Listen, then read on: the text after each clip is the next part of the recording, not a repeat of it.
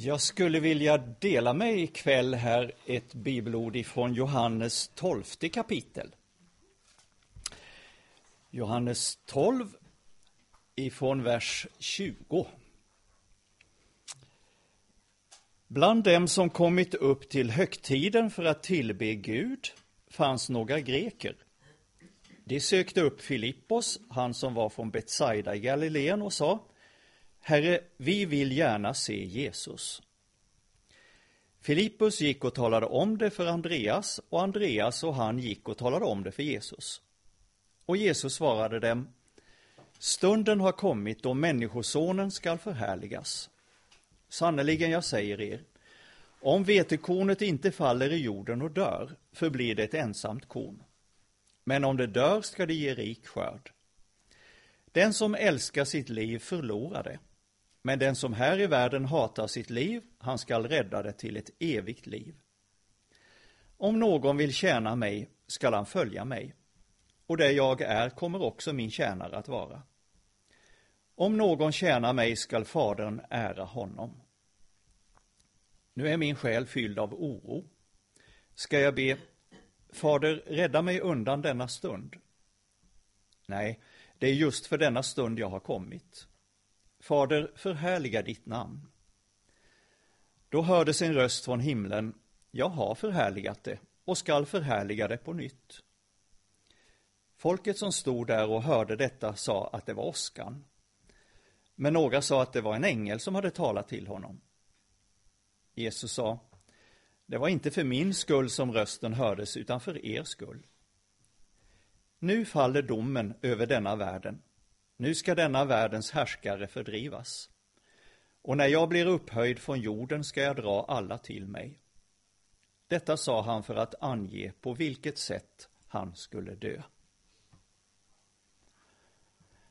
Herre, öppna våra ögon för ditt ord och led oss in i din sanning.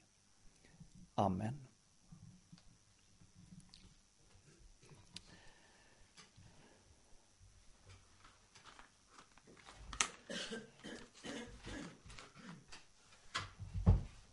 Min vana trogen så kladdar jag lite grann.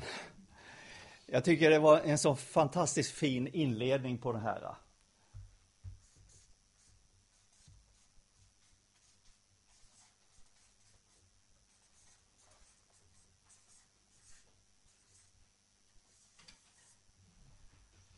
Vi vill se Jesus. Det finns ingenting större än när en människa får den längtan att få se Jesus.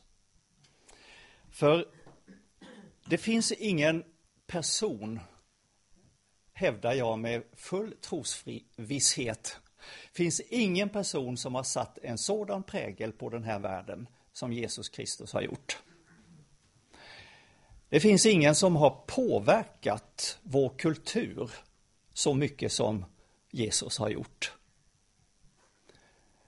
Det Jesus stod för i sitt sätt att bemöta människor, i det han gjorde, i det han sa, har genomsyrat så väldigt många länder. Fast idag så är det nästan som att de flesta har tappat bort det. Man har tappat bort alltså hur mycket Jesus och hans ord och hans gärningar egentligen har präglat hela, hela vår omvärld. Det är som att man tror att det Jesus stod för utav barmhärtighet och kärlek och självutgivande, ja, det finns naturligt i varenda människa. Det kommer bara av sig själv om man släpper människan fri. Men se, det tror inte jag på. Jag tror inte att vi är så goda av oss själva, utan vi behöver någon som går före. En Jesus Kristus. Jesus är så unik därför att han är både den som är omutligt sann och samtidigt fylld av barmhärtighet. Alltså det är ju sådana vi skulle vilja ha på alla poster i vårt samhälle, eller hur? som inte backar någonting på sanningen, men som ändå kan visa en otrolig barmhärtighet. Jesus kunde vara knivskarp med vår synd och ändå vara den som ger sitt eget liv för att sona denna synd. Alltså en sån kombination, den hittar du inte var som helst. Det var många som ville se Jesus. Det var många som var efter honom. Och en del, de gjorde det av nyfikenhet.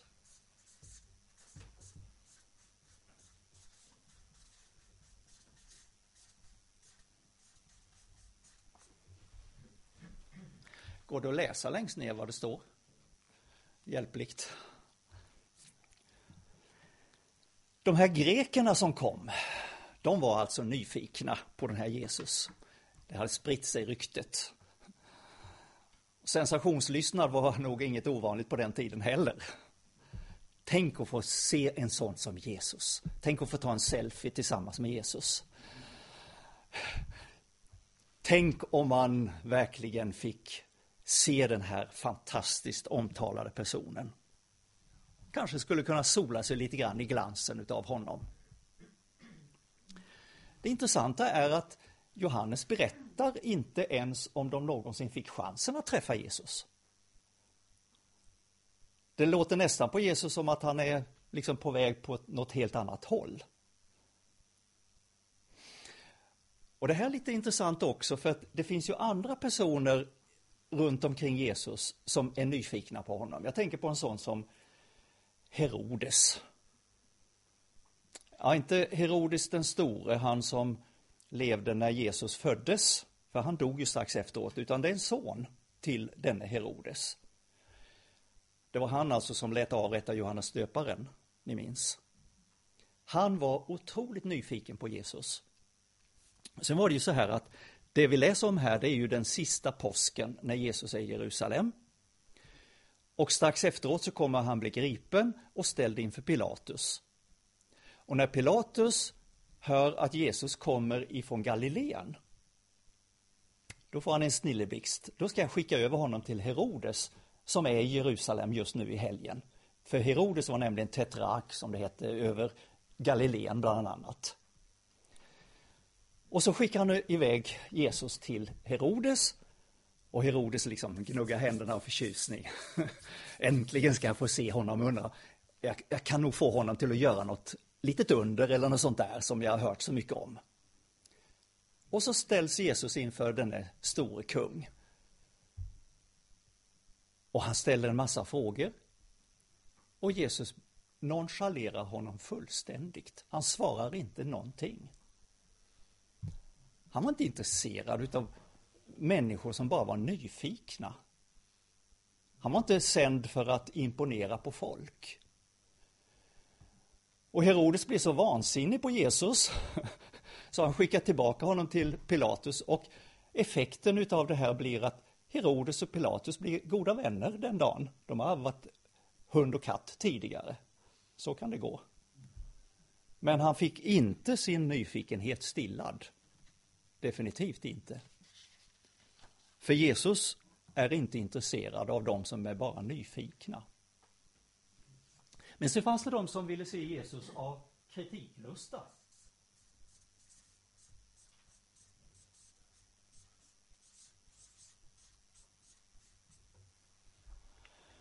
De var ganska många.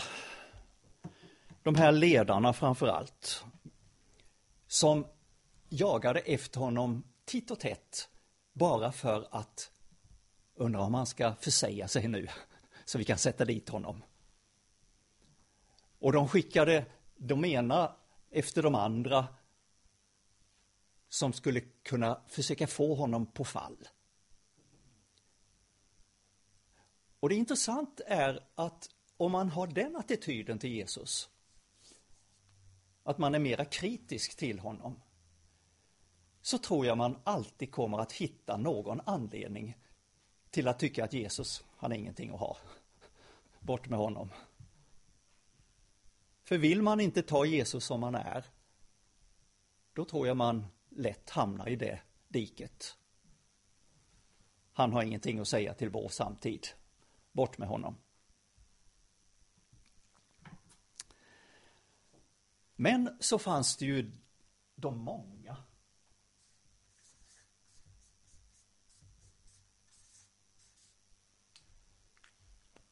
Som sökte Jesus och ville se honom av genuina behov. Sådana här genuina behov som varenda människa har. Som vi kan vända oss till Gud med. Frid med Gud. Många var sjuka.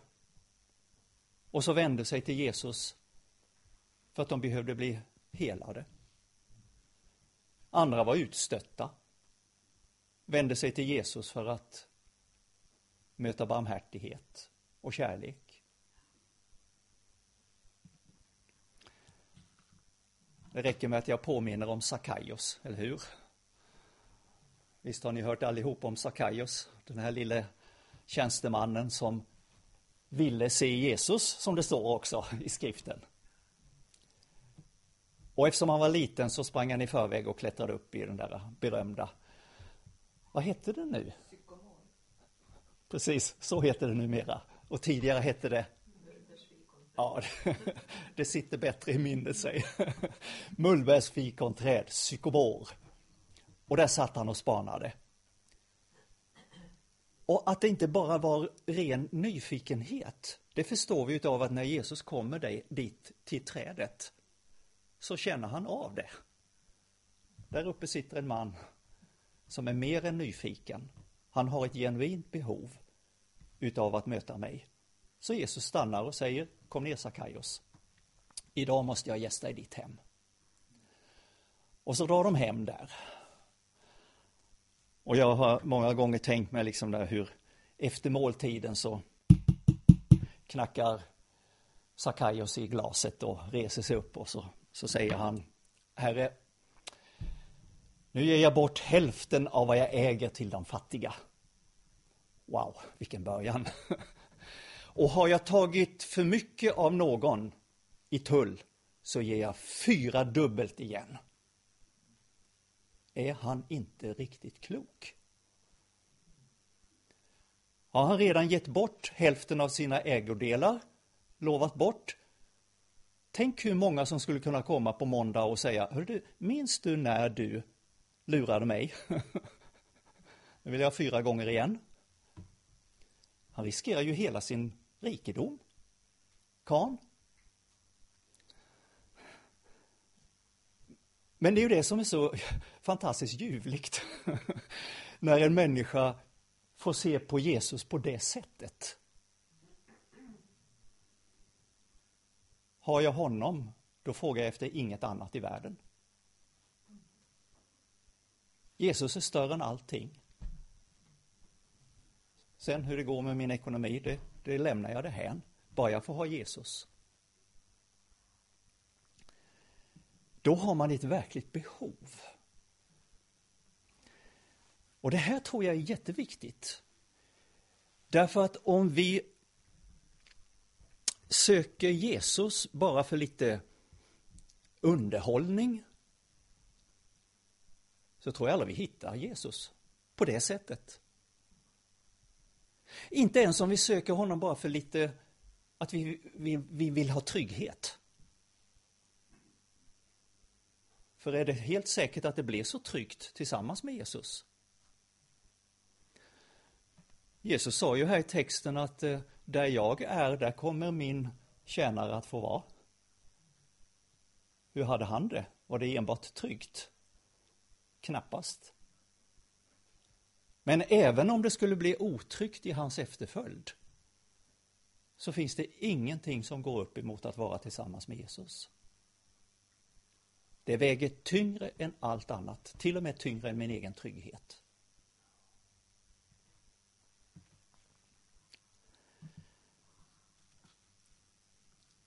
När de här grekerna kom för att se Jesus, då inser Jesus en sak. Jag vet inte riktigt varför han gör det. Men han säger det att nu har stunden kommit då jag ska förhärligas.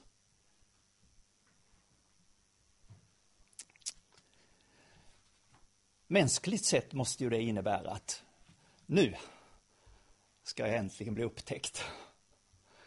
Nu ska jag äntligen få komma upp i ljuset och, och folk ska sluta prata illa om mig och nu ska jag äntligen få utveckla hela min potential. Världen ska se mig. Och var det inte det frestaren erbjöd honom när han började sin tjänst? Om du faller ner och tillber mig så ska du få hela världen. Men Jesus går inte på den lätte, för han, han vet att hans förhärligande är av en helt annan art.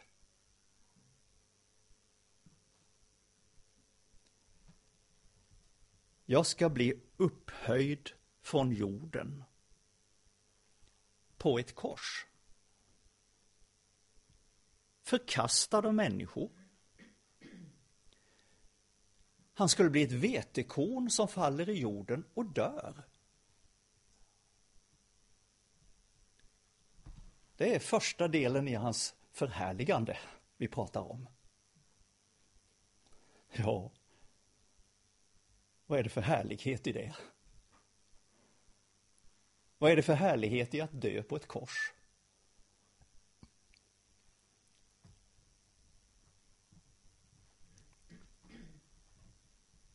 Jo, det är detta oerhörda som vi nämnde om redan före rasten. Att han i sin kropp tar upp all vår synd all vår orättfärdighet, samlar den i sin kropp och dör som om det vore hans egna misstag, hans egen synd. Som om det var han som hade gjort alltihop. All den skuld vi har samlat på oss genom att låta vår himmelske far gå där Vi behöver inte dig. Vi klarar det här själv. All den skuld vi har samlat på oss genom direkta synder emot Gud. Allt det betalade han med sitt blod. Och i Hebreerbrevets nionde kapitel står det Utan att blod utgjutes ges ingen förlåtelse. Det är det riktigt drastiska. Och det är ju egentligen det som hela skriften handlar om. Om du har läst ditt gamla testamente så kanske du har blivit lite smått irriterad på alla dessa offer, blodiga offer som har hållits på med i gamla testamentet. Nej, du ska inte vara irriterad på det därför att det säger detta oerhört klart. Inför Gud är det så. Utan att blod utgjutes så ges ingen förlåtelse. Därav hela denna långa, långa rad utav blodiga offer som en påminnelse om det stora offret Jesus Kristus när han offrar sitt blod. För utan att han offrar sitt blod så kan ingen förlåtelse ges. Det är Guds ord som säger det. Och när Guds sons blod utgjutes, då händer detta fantastiska att Gud kan räkna alla människor som rena. Alla som vill låta detta gälla sig själv.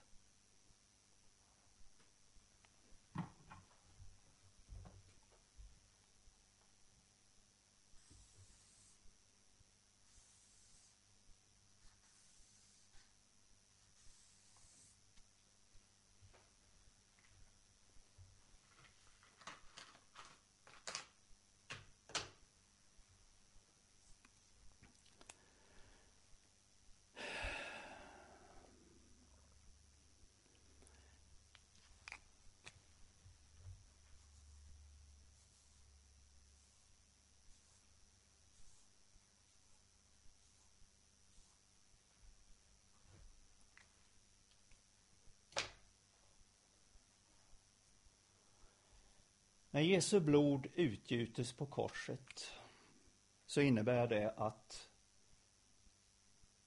en liten människa som du och jag, vi kan ta vår tillflykt i korsets skugga.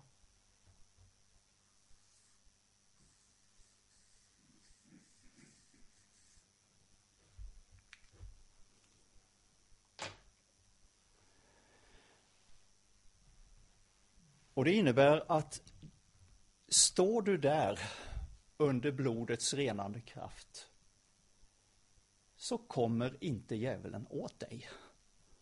Det finns ingen som kommer åt dig att döma dig. Så här sa Jesus alltså i texten. Nu faller domen över denna världen. Nu ska denna världens härskare fördrivas. Och när jag blir upphöjd från jorden ska jag dra alla till mig. Det är ett fantastiskt uttalande. Nu ska den här världens härskare fördrivas. Nu, säger Jesus. Ja, men tog han inte fel? Djävulen verkar ju vara i allra högsta grad i, i aktivitet. Han verkar inte fördriven alls. Jo. Han är fördriven ifrån den position han hade tidigare. Att kunna så anklaga oss inför Gud så att vi skulle kunna bli fördömda. Men när Jesus ger sitt liv på korset och utgjuter sitt blod och vi går in och ställer oss i skydd av Kristi blod då är djävulen fördriven ifrån den positionen att anklaga och fördöma oss. Spelar ingen roll vad han säger. För om du, hur liten och svag du än är, hänvisar till Jesu Kristi blod, vad ska djävulen då säga? Ingenting.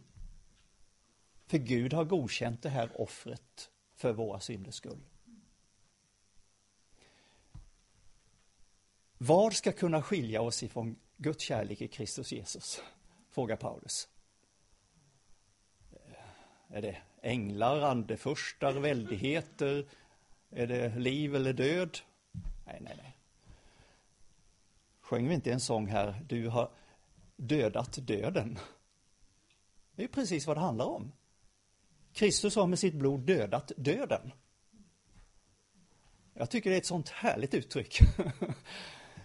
Att döden är dödad. Och det betyder att den dag du och jag läggs i graven så dör vår fysiska kropp på grund av synden.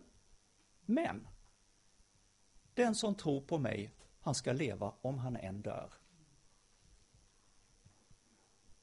Och den som lever och tror på mig, han ska aldrig någonsin dö. Alltså, det vi kallar för döden och som naturligtvis skrämmer oss därför att vi aldrig gått igenom det. Det är en tröskel över in i gemenskapen med Herren Jesus Kristus. En övergång. Jag vill gärna kalla det för en tröskel. Vi kliver in i någonting nytt. Men döden är dödad. Och dödens herre, djävulen, han är maktlös.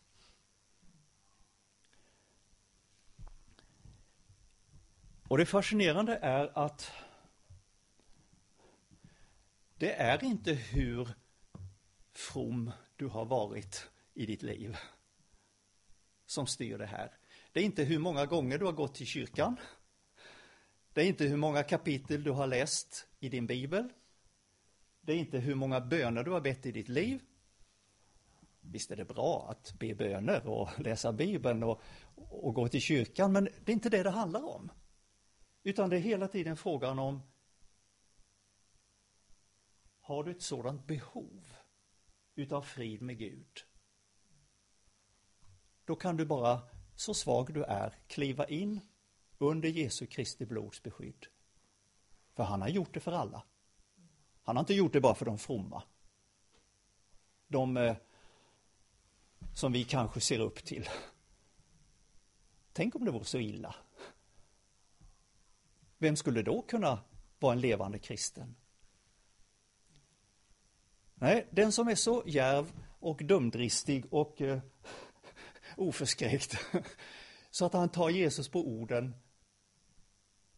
och ställer sig där under hans beskydd. Han är salig. Han är renad. Skuldebrevet är fastspikat på korset. Det är betalt. Jesu, Guds sons blod, renar ifrån all synd.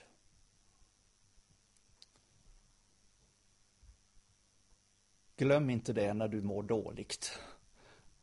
När du skäms över dig själv. Glöm det inte heller när du retar dig på dina trossyskon. Vi är inte fullkomliga. Leta inte efter de fullkomliga i församlingen. Men vi är saliga om vi tar vara på nåden i Kristus och låter oss renas. Ska vi be tillsammans.